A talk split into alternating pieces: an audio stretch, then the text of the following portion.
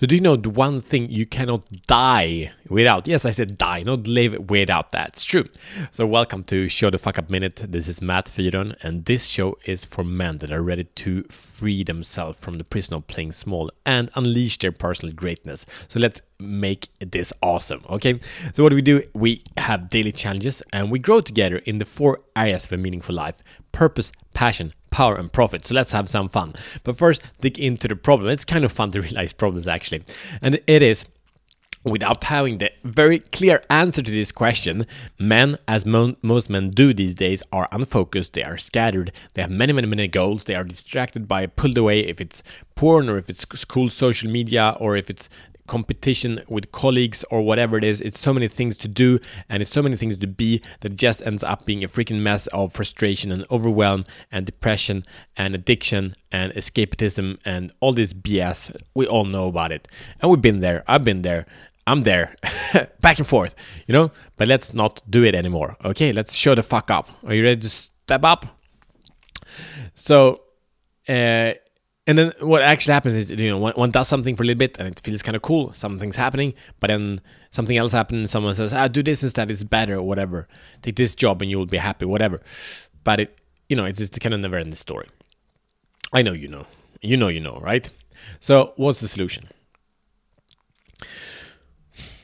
So people say be clear on what you cannot live without and that's cool but life is rarely as motivating as death and in our culture, we don't look at death uh, because it's kind of scary. We do see it all the time in movies, but we're never, rarely, rarely ca- closing into the meaning of it actually. But we're dying. I'm dying. I'm getting closer to death every day. I'm also getting more and more alive uh, day by day, but I'm actually dying and are willing to accept that. And the it's becomes so much easier to accept if we know the thing that we need to have achieved. It's rarely the thing we have need to have gotten. It's it, I doubt that it's you know you need to have driven a Ferrari or own a Ferrari or something like that or a house you wanna wanna bought. Maybe it is for you. It's not for me.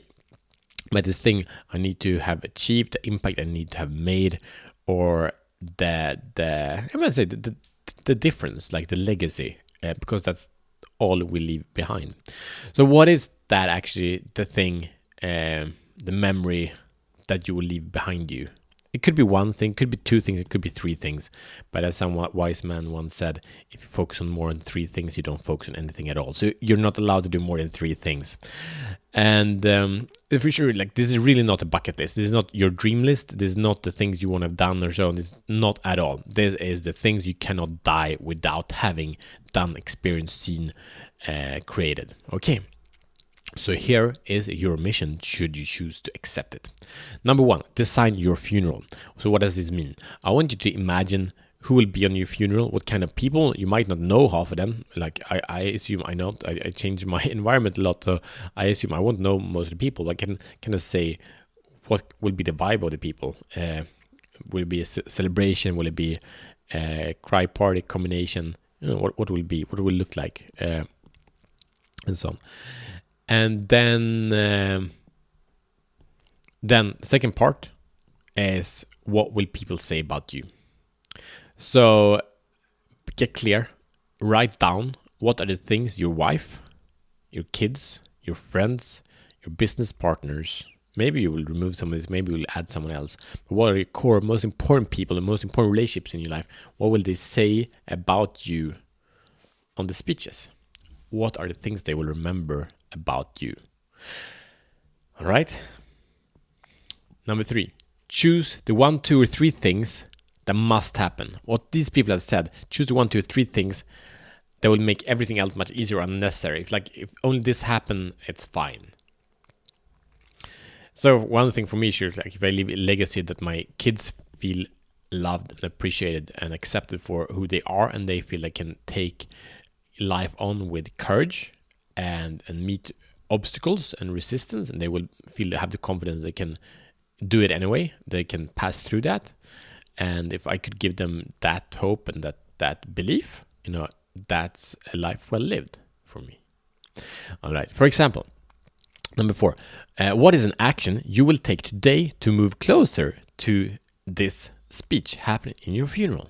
All right Number five, what is the system or person that make sure that you will make progress every week or month in this aspect, in this goal, in this outcome, in this legacy that you're creating?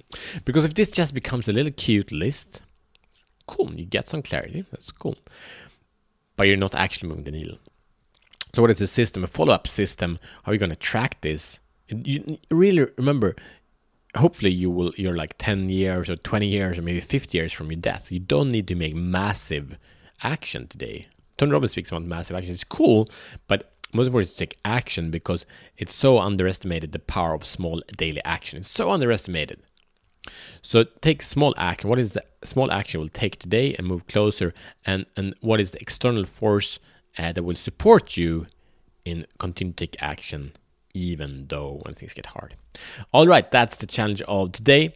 So thank you for showing, showing the fuck up to that. Please share it. We have the community, we have the brotherhood, and also subscribe. And I know you know a man that's a bit scattered, it's a bit all over the place, has no idea why he lives or or why he's, he what he will share on his deathbed. So share this episode with him and transform his life. Okay, see you tomorrow as better men.